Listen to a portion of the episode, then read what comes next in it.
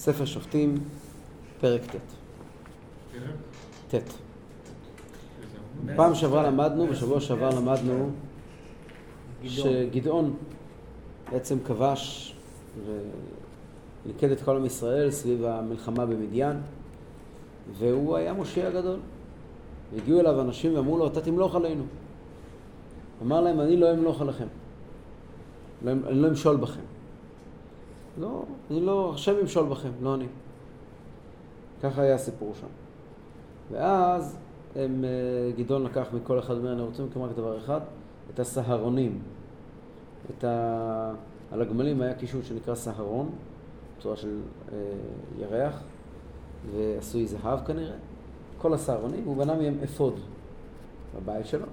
הדבר הזה, אמרנו, סיימנו את הפרק הקודם, שהדבר הזה עתיד להיות למוקש למשפחת גדעון, כי זה נהיה לעבודה זרה. בואו נראה את הפרטים עכשיו. מה קורה בדור הבא? בדור הבא מתחיל סיפור מאוד להיות מאוד מאוד עצוב.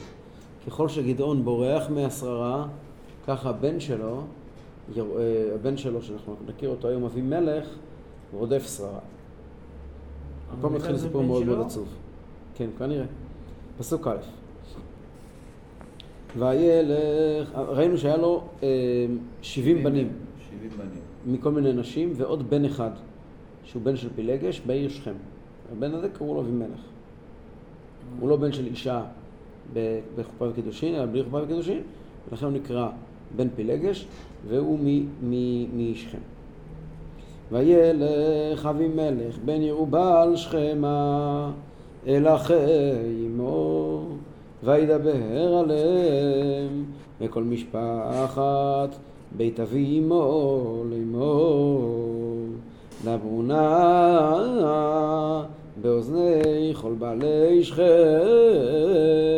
מה טוב לכם, המשול בכם, שבעים איש, כל בני ירובל, אם משול בכם, איש אחד, וזכרתם, כי עצמכם ובשרכם, אני. וידברו אחי אמו עליו באוזני כל בעלי שכם את כל הדברים האלה. ויית ליבם אחרי אבימלך כי אמרו אחינו הוא. אבימלך היה פוליטיקאי קטן. הוא לא למד מאבא שלו. לא אני אמשול בכם. ממש להפך הוא פונה למשפחה של אמא שלו אמא שלו אמרנו היא משכם. אבא שלו הוא מעופרה, אמא שלו משכם. הוא פונה למשפחת אמו, משפחה חשובה בשכם. הוא אומר להם, תעשו בשבילי לובינג, תעשו בשבילי, אה, לוב, אה, תהיו לוביסטים שלי, תעשו בשבילי אה, פוליטיקה בתוך שכם. תשכנעו בשכם אנשים בטיעון הבא. ירובל, גדעון, מת. הוא לא השאיר צבא מסודרת, הוא לא הכתיר אף אחד מהבנים שלו. מה שאומר שדה פקטו כל השבעים בנים שלו הם אדונים של כולם. עכשיו, למה אתם צריכים שבעים בלבטים כשאתם יכולים אחד? והאחד הזה, נכון שאני בן הפילגש, מה אכפת לכם? אני אראה עצמכם ובשרכם, אני אראה משלכם. כדאי לכם לקדם אותי כמי שיהיה בעל הבית של הכל, כיוון שזה אינטרס שלכם, לפני שזה אינטרס שלי.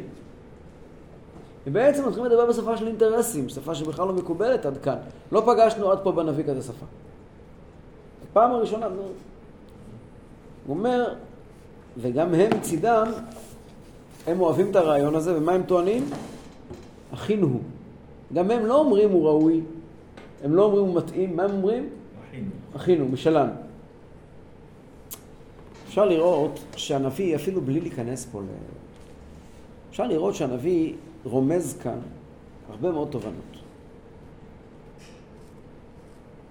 קודם כל, יש פה תפיסת עולם, הנביא כמובן פה מספר לנו את השיחה הזאת של אבימלך ואנשי שכם, לא כהיסטוריה, זה לימוד, החיים. והוא פה מגיע ואומר, נותן לנו כמה היבטים מאוד חשובים. דבר ראשון, אפשר לראות שאבימלך מדבר בשפה של אגרסיביות ואלימות.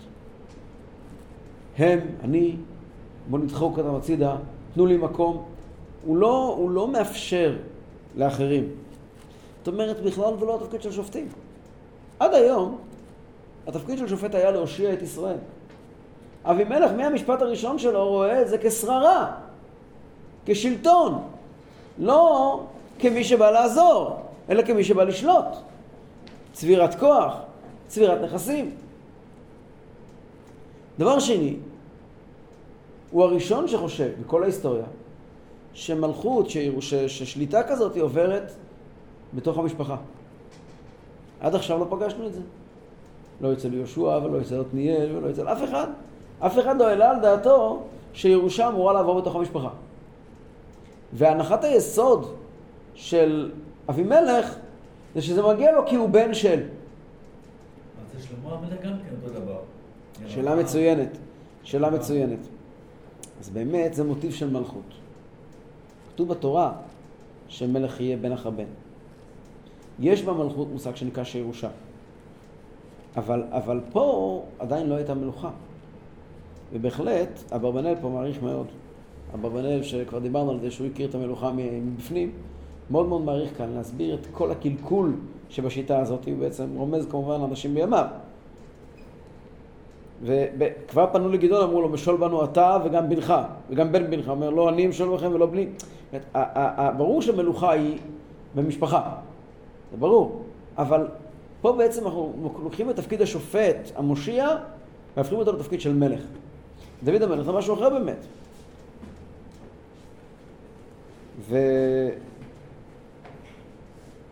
ודבר נוסף, הוא הראשון שתובע בפה את המלוכה. חז"ל מדברים על זה ברמה מאוד מאוד מאוד חמורה. חוץ ממנו, שאול ברח מהמלוכה, דוד ברח מהמלוכה, וכן הלאה. מנהיגי ישראל האמיתיים לא חיפשו להיות מלכים. הגדולה, הכבוד הזה של מלוכה, תופסת את מי שלא מעוניין בה. ואילו אבימלך הולך ולוחם בעד המלוכה. כך רואים חז"ל במדרש תנחומה. זה שאמר הכתוב, יש לכם את זה לדעתי כאן, בעמוד 131. זה שאמר הכתוב, גאוות אדם תשפילנו, ושפל רוח יתמוך, יתמוך כבוד. כל מי שרודף אחר שררה, שררה בורחת ממנו.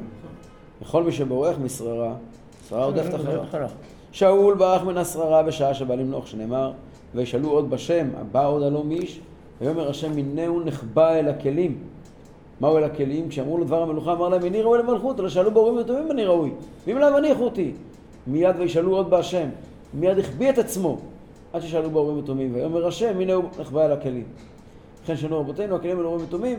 סיפור שלם שבחרו בו, המלאך, אה, שמואל הנביא אמר בנבואה, שהוא נמצא כאן, הוא אומר, אני לא מקבל את זה. אני רוצה גם לשמוע מהכלים. מה אומרים כלי הנבואה? מה אומרים אה, אורים ותומים? כלומר, הוא לא היה מעוניין להיות מלך. ואבימלך בן ירובעל רדף אחר השררה, והשררה ברחה ממנו, שנאמר וילך אבימלך בן ירובעל שכם מלכי אמו, כמו שאנחנו נראה עוד מעט, הרגם כולם על אבן אחת, ומלך על בעלי שכם, בסוף אבל, וישלח אלוקים רוח רע בין בעלי שכם ובן אבימלך, והרגה אותו אישה, שהסיפור שלו, הסוף שלו היה רב אמר. אוקיי, פסוק ד' ויתנו לו שבעים כסף מבית בעל ברית ויזכור בהם אבימלך אנשים ריקים ופוחזים וילכו אחריו. הוא מקבל שבעים כסף מבית בעל ברית, בעל ברית זה שם של עבודה זרה. יש שם בית עבודה זרה שנקראת בעל ברית בשכם ומבית עבודה זרה גונבים את הכסף שייך לעבודה זרה, נותנים את זה לו.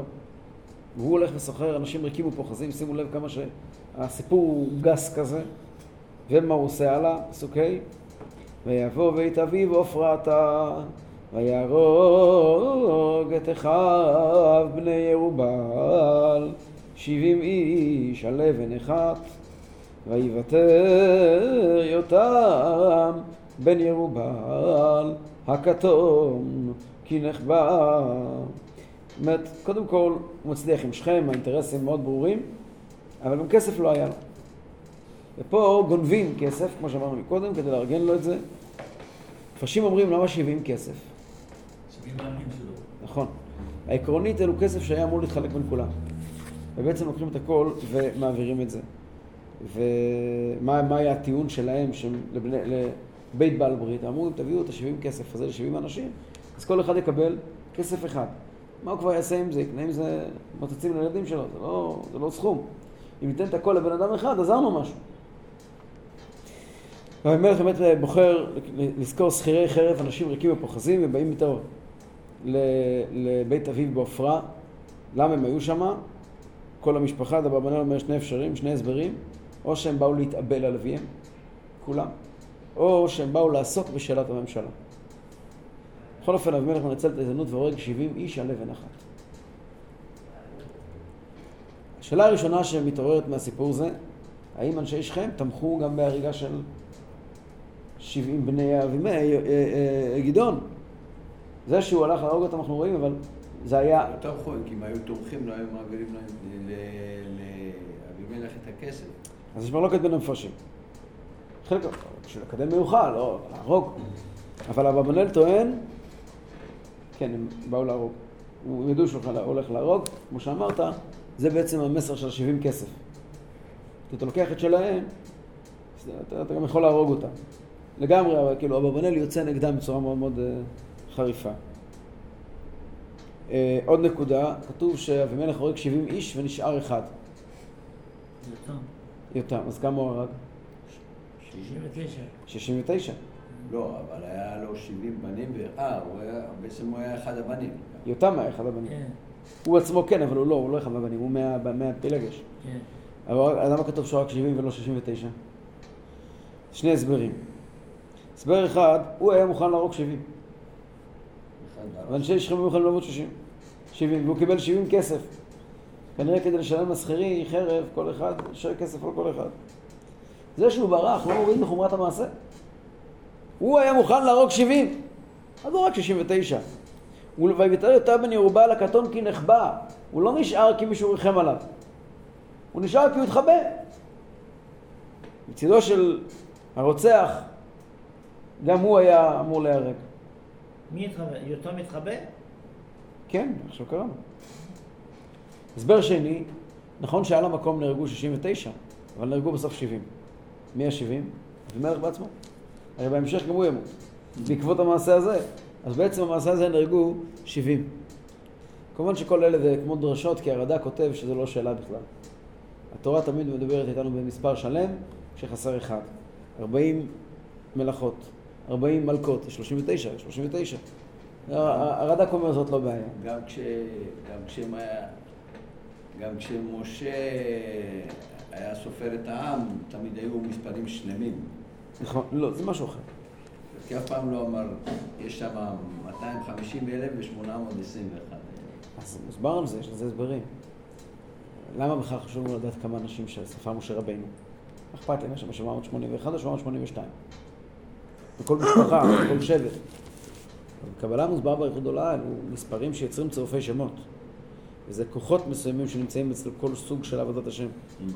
וכנגד זה נולדו ילדים על פי המספרים האלה. ולכן באמת זה כן היה מספרים עגולים. זה היה ביטוי של... טוב, התורה אלפיים שנה קודם שנברא העולם כבר כתבה כמה ילדים יש לכל שבט. כן?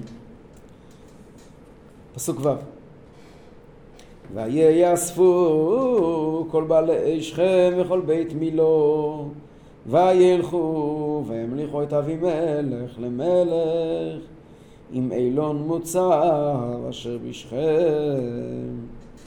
באמת בני שכם ובית מילו. בית מילו זה מקום ליד שכם, אנחנו לא יודעים איפה הוא.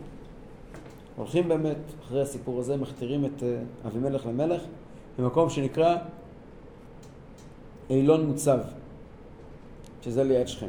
כיכר העיר. זה לא אה, ממש מלוכה, זאת שררה, זאת לא מלכות, זאת כוח. אברבנאל מעריך בזה שזאת לא מלוכה אמיתית. המלך הראשון זה שאול שנמשך בשמן המשחה, אחריו דוד המלך. ופה הם דיברו על מלוכה, אז הפסוק משתמש במלוכה בלשון מושאל. ויגידו ליותם וילך ויעמוד בראש הר גריזים וישא קולו ויקרא ויאמר להם שמעו אליי בעלי שכם וישמע עליכם אלוקים. שכם יושבת כידוע בין הר גריזים לבין הר עיבל. אז הר גריזים זה על יד שכם. יותם הקטן שברח, שומע מה שקרה, הוא מחליט לתת תוכחה מגולה לבעלי שכם, להסביר להם מה הם בעצם עשו. איפה הוא הולך דווקא להר גריזים, אז אברבנאל אומר, כאילו מקומות שמזכירים לנו את הברכה והקללה של אה, יהושע, שאמר בתורה, כלומר הוא מגיע ואומר, אני רוצה לדבר איתכם מהמקורות הקדומים שלנו, בואו רגע תבינו מה קרה, מה אתם עשיתם פה, מה קורה כאן בעצם. אם ככה, למה הוא הלך להר גריזים ולא להר עיבל? הר עיבל זה הר הקללה, הר גריזים זה הר הברכה. אומרים חז"ל, אומרים חז"ל, ש... בהקשר היסטורי, הרי אחר כך הר גריזים הפך להיות הרי כידוע המקום של הפולחן של השומרונים, כן עד היום. כן. יש על זה בדורה, בתקופת חז"ל היה טיעונים מול, מול, מול השומרונים. השומרונים אמרו זה הר הברכה, כן, יש שם אפילו יישוב שם שנקרא הר הברכה. אז מה אמרו? אז אמרו לו, אמרו, לה, אמרו לשומרונים, הר עיבל זה הר הברכה. ולמה? אבל הר עיבל, הר עיבל הוא הר שעליו נאמר הקללה, נכון? אז אמרו לשומרונים, תראו, הקדוש ברוך הוא ציווה ליהושע שכשהוא עובר את הארץ, שיקים מזבח איפה? בהר עיבל, לא בהר קריזים. אם הר עיבל הוא הר קללה, אז למה דווקא עליו מקימים מזבח? אלא על הר עיבל עמדו וקיללו את הר גריזים. בהר גריזים עמדו ובירכו את הר עיבל. אבל כל אחד, אז הר גריזים הוא המקולל והר עיבל הוא המבורך. ככה אמרו לשומרונים. והראיה, שכשיותם רצה לקלל, איפה הוא הלך? להר גריזים ולא להר. טוב. הוא אומר להם, שמעו אליי בעלי שכם ושמע עליכם אלוקים. זאת אומרת, תקשיבו טוב טוב לכאב שלי. תקשיבו טוב טוב למסר שאני משמיע, כי עוד מעט אתם תצטרכו שאלוקים ישמע אתכם. כי אתם עומדים לפני חורבן גדול. בא הפתיח שלהם, אומר להם, תקשיבו לי טוב, כי אתם עומדים לעמוד בדיוק באותו מקום שאני עומד עכשיו. הוא מתחיל את המשל המפורסם. פסוק ח' הלא הלכו העצים למשוח עליהם מלך ויאמרו לזית מולך עלינו ויאמר להם הזית החדלתי את דשני אשר בי יכבדו אלוקים ואנשים והלכתי לנוע על העצים ואמרו העצים לתאנה לחיית מולכי עלינו ותאמר להם התאנה החדלתי את מותקי ותנובתי הטובה והלכתי לנוע על העצים ואמרו העצים לגפן לחיית מולכי עלינו. ותאמר להם הגפן החדלתי את תירושי המשמח אלוקים ואנשים. והלכתי לנוע על העצים אמרו כל העצים אל התד לחטא מלוך עלינו ויאמר התד אל העצים אם באמת אתם מושכים אותי למלך עליכם בואו חסו בצילי ועם עין תצא אש מן התד ותאכל את ארזי הלבנון. פשט הפשוט הוא כזה. הכניס להם מה שנקרא בשיניים בצורה הכי חריפה שיש. הוא אומר להם, אספר לכם סיפור. פעם העצים רצו להמליך עליהם מלך. הלכו לזית, תהי מלך עלינו, אומרת להם הזית, אני עסוקה, יש לי מה לעשות בכם. אני צריכה לייצר שמן. הלכו לתאנה, שוב פעם. בקיצור, כולם עסוקים. בסוף לא הייתה להם ברירה, הלכו לליידיקגייער. מה זה ליידיקגייער? לבטלן, להולך בטל. ביידיש זה נקרא ליידיקגייער, ליידיקגייער, ליידיקגייער. הלכו לליידיקגייער. לבטל, לגורנישט. והוא לא מאמין שהם באים אליו. אז הוא אומר להם, בואו תחסו בצלי, יש צל לאטד? לקוץ יש צל? אין צל לקוץ. בואו תחסו בצילי, אבל תקשיבו, אם אתם לא באים, תצא אש, תצא אש מן האטד ותוכל אני הולך לעשות פה חורבן. עכשיו אתם יכולים להגיע. מה הוא אומר להם? כל מי שיכול לתת משהו, לא מחפש את השררה.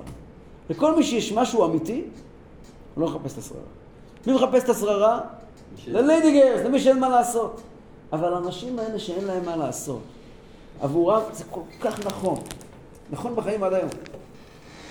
למי שאין מה לעשות ותופס שררה, הוא הופך להיות דיקטטור.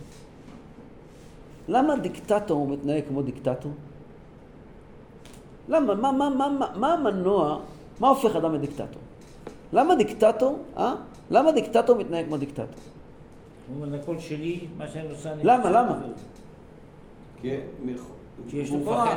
שהוא יחזור, הוא מפחד שיחזור. מפחד. מפחד. יודע? מפחד. דיקטטור הוא פחדן. דיקטטור לא מאמין בעצמו. אבל יש לו כוח. אין לו כוח. יש לו אלימות, זה לא כוח. הדיקטטור הוא אדם אומלל.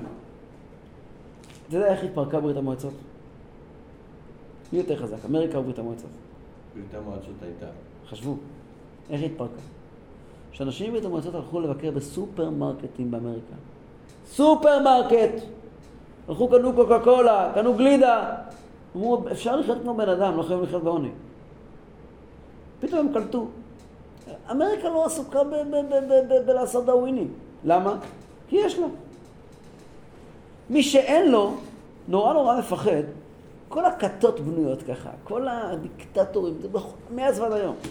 אדם שאין לו מה לתת, צועק.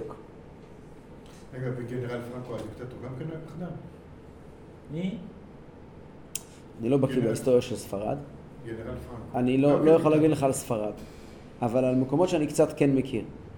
אנחנו יכולים לדבר על ארצות ערב, אה? ארצות ערב, ארצות האסלאם אפילו, ו- ו- ועל רוסיה, כן, הקומוניסטית, על להבדיל, על, לא על להבדיל, על היטלר ועוד.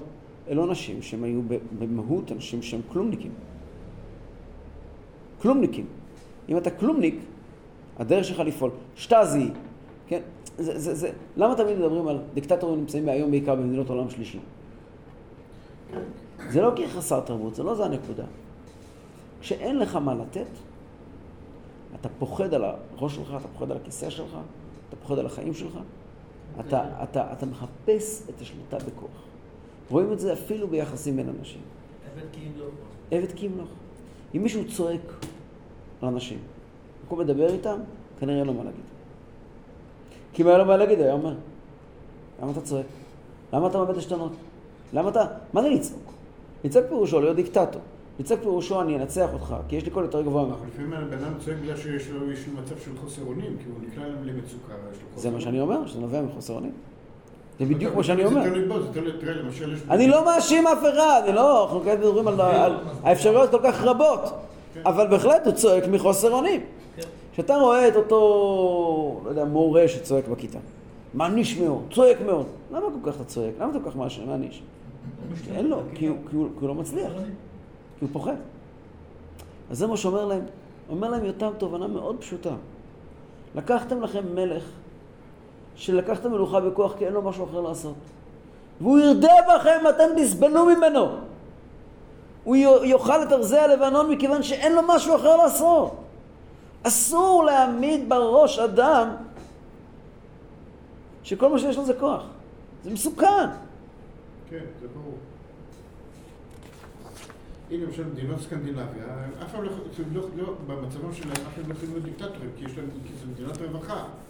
מדינות רווחה, מדינה פתוחה, אנשים... אה, מדינת רווחה יש לזה הקשר שונה קצת, אבל כן. בחז"ל נכנסים לפרטים של המשל הזה. אז בואו נעבור לאחרי הפרק, יש לנו בסוף את, ה... את הקטע מחז"ל שמסביר את העניין. אמר רבי מנשיה, יש לכם?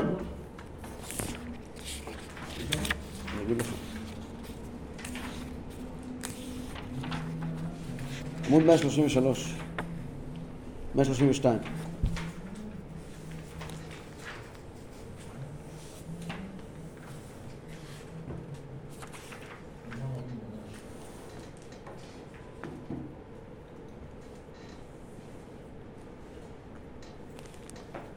אמר רבי מנשיה, משל הם הדברים הללו. הלוך הלכו העצים אלו ישראל. ואמרו לה זית מולכה עלינו, זה עתניאל בן כנז שהיה משבט יהודה, שנאמר זית רענן יפה, תואר, יפה פרי תואר קרא שם שמך. ומה אמר לו עתניאל? החדלתי עדו שני. נעצור כאן רגע. הראשון שפנו אליו זה היה עתניאל, שהיה אחרי יהושע הראשון. כתוב שהיה גיבור חיל ותהיה עליו רוח השם. מפרשי המדרש מסבירים שעתניאל נקרא זית כי הוא באמת שייך למלוכה. על מי נאמר? לא יסור שבט מיהודה ומחוקק מבין רגליו, הוא שייך למלוכה. ואיך מול- מושכים מלך? בשמן זית, שמן המשחה. ושמן המשחה, זית הוא גם כן צף מעל כל המשקים. נתפוש בו אלמנט של מלוכה, ולכן הולכים לזית ראשון. כלומר, ניגשים לעתניאל, ואומרים לו, אתה המלך האולטימטיבי, אתה משבט יהודה. יש כל המעלות. מה אומר להם עתניאל? אני עסק בשמן. מה זה שמן? שבו מכבדים אלוקים ואנשים. מסבירים המפרשים שכידוע עתניאל היה, האלמנט שלו היה שהוא תלמיד חכם גדול, כמו שדיברנו כשלמדנו על עתניאל. הוא אומר, אני עסק בתורה, אין לי זמן לדברים האלה. התורה היא מכבדת אלוקים ואנשים. זאת אומרת, העובדה שאני שופט אתכם בפועל, לא כי אני רוצה את זה. הקדוש ברוך הוא לוקח אותי לזה, ואין לי תפקיד כזה. אני כשלעצמי רוצה לשבת ללמוד תורה. אני כשלעצמי רוצה שמן. ואז הם הולכים לתאנה. מי זאת התאנה? התאנה זאת דבורה הנביאה. למה דבורה הנביאה? דווקא מכל מי שהיה באמצע? היא היחידה מכל השופטים שנאמר עליה בפירוש שהייתה נביאה. א', אחד מהנביאים לא כתוב בפירוש שהוא היה נביא. גם המשפט שלה היה מכוח, מכוח הנבואה. בכל זאת, היא לא מוכנה לעצור את... היא לא מוכנה לעצור את התנובה שלה, את הניב שפתיים שלה, את הנבואה שלה, כדי לעסוק בצורכי ציבור. ואז עוברים לגפן. מי זה הגפן? בואו נראה. ותאמרו לג- לגפן זהו גדעון, משול בנו גם אתה. אמר להם, החדלתי את תירושי, לא אמשול אני בכם. גדעון, גפן, קודם כל כי יש לו הרבה הרבה הרבה גרגירים, כמו אשכול, משפחה גדולה. אשתך כגפן פוריה. דבר שני, אה, בגפן יש הרבה מאוד חלקים. כתוב בחז"ל בכמה מקומות. כל חלק יש לו תפקיד אחר, לעלים יש תפקיד משלהם, לגרגירים יש, לקנוקנות יש, כן?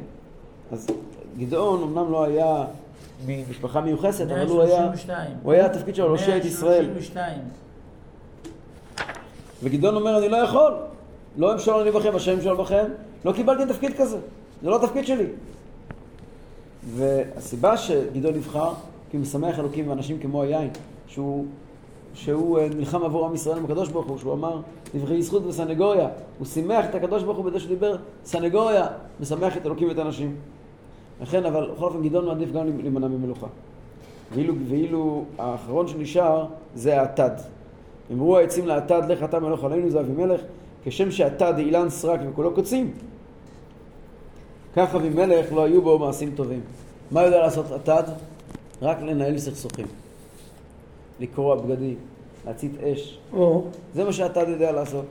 וזה גם מה שאבימלך אה, הולך לעשות. ישנם עוד הסברים על המשל הזה, בעוד הרבה ספרים, אבל הנה עוד הסבר קצר שראיתי באיזשהו ספר. למלוכה בעם ישראל יש שלוש תפקידים. שלושה תפקידים. תפקיד ראשון זה לשמור על התורה. ראיתי את זה בספר שנקרא גבול בנימין, של רבי בנימין ויטלי, שהיה מחכמי גרמניה, מחכמי איטליה לפני 200 שנה, 50-300 שנה. אז הוא כותב ככה: למלוכה יש שלושה מטרות. דבר ראשון, לשמור על התורה, באמצעות חוקים. שניים, אצלי פה רשמתי לעצמי. שניים, הקמת משפט, מלך במשפט יעמיד הארץ. הדבר השלישי, מלחמה נגד אויבים. לעתניאל פנו כי הוא אחראי על התורה. כמו שאנחנו רואים כל הזמן. ודבורה פנו, פנו כיוון שהיא, כיוון שהיא שופטת את ישראל בעת ההיא. היא הייתה יודעת לנהל סכסוכים בין העם, לארגן את הדברים נכון. ולגדעון כי הוא נלחם באויבים. שלושת הסיבות שפונים למלך. ואילו הבחירה באבימלך בתור עתד לא הייתה כי הוא ישמור על התורה, לא הייתה כי הוא ישמור על, על משפט בתוך העם, וגם לא כי הוא ילחם אויבים. אלא למה? כן, סתם בשביל אינטרסים. אז זה עתד, אין בו כלום. אין בו כלום, רק דורסנות. ולכן זה כל כך מסוכן, זה מה שמסביר להם יותם מראש הר גריזים. ממשיך יותם ואומר. זה עץ, נכון? אה? אתה. כן, עץ קוצים. עץ לא קוצני. שיח. שיח קוצני. זה לא עץ. ט"ז ועתה אם באמת ובתמים עשיתם אם אתם באמת חושבים שעשיתם משהו אמיתי ונכון והגיוני ועתה אם באמת ובתמים עשיתם ותמליכו את אבימלך ואם טובה עשיתם את עם ירובעל ועם ביתו ואם כגמול ידיו עשיתם לו. אם אתם חושבים שזה היה הגיוני להכתיר את אבימלך ואם אתם חושבים שמה שעשיתם למשפחה שלי זו טובה שהרגתם את כולם ואם אתם חושבים שזו הדרך הנכונה להשיב לאבא שלי על מה שהוא עשה עבורכם אשר נלחם אבי עליכם וישלך את נפשו מנגד ויצל אתכם מיד מדיין. ואתם קמתם. על בית אבי היום ותהרגו את בניו שבעים איש על אבן אחת ותמליכו את אבימלך בן אמתו על בעל אישכם כי אחיכם הוא מה עשיתם? רק את כל הבנים שלו החוקיים השארתם את בן אמתו רק כי הוא אח שלכם ואם באמת ובתמים עשיתם עם ירובל ועם ביתו היום הזה אומר להם בציניות כזאת אם אתם באמת חושבים שכל זה נכון אתם יודעים מה? שמחו באבימלך וישמח גם הוא בכם אם אתם חושבים שמה שעשיתם היה פעולות נכונות תשמחו עם אבימלך מזל וברכה. אה, מזל וברכה, שיהיה לכם לבריאות, תשמחו עם, אבימלך והוא ישמח בכם. שום בעיה, אין פה ציניות מאוד מאוד uh, חזקה. זה יותר ממנו זה, כן. נכון? ואם באמת, ואם אין תצא אש מאבימלך ותאכל את בעלי שכם ואת בית מילו ותצא אש מבעלי שכם ובית מילו ותאכל את אבימלך אם לא, אם אתם אם אתם חושבים שאולי יש איזשהו אמת בדבריי משהו שאתם לא עשיתם טובה אלא להפך אז אתם כולכם, כולכם עתדים.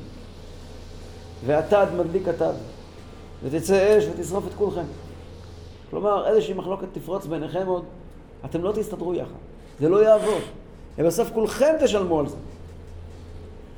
ויאנוס יותם, ויברח, וילך בערה.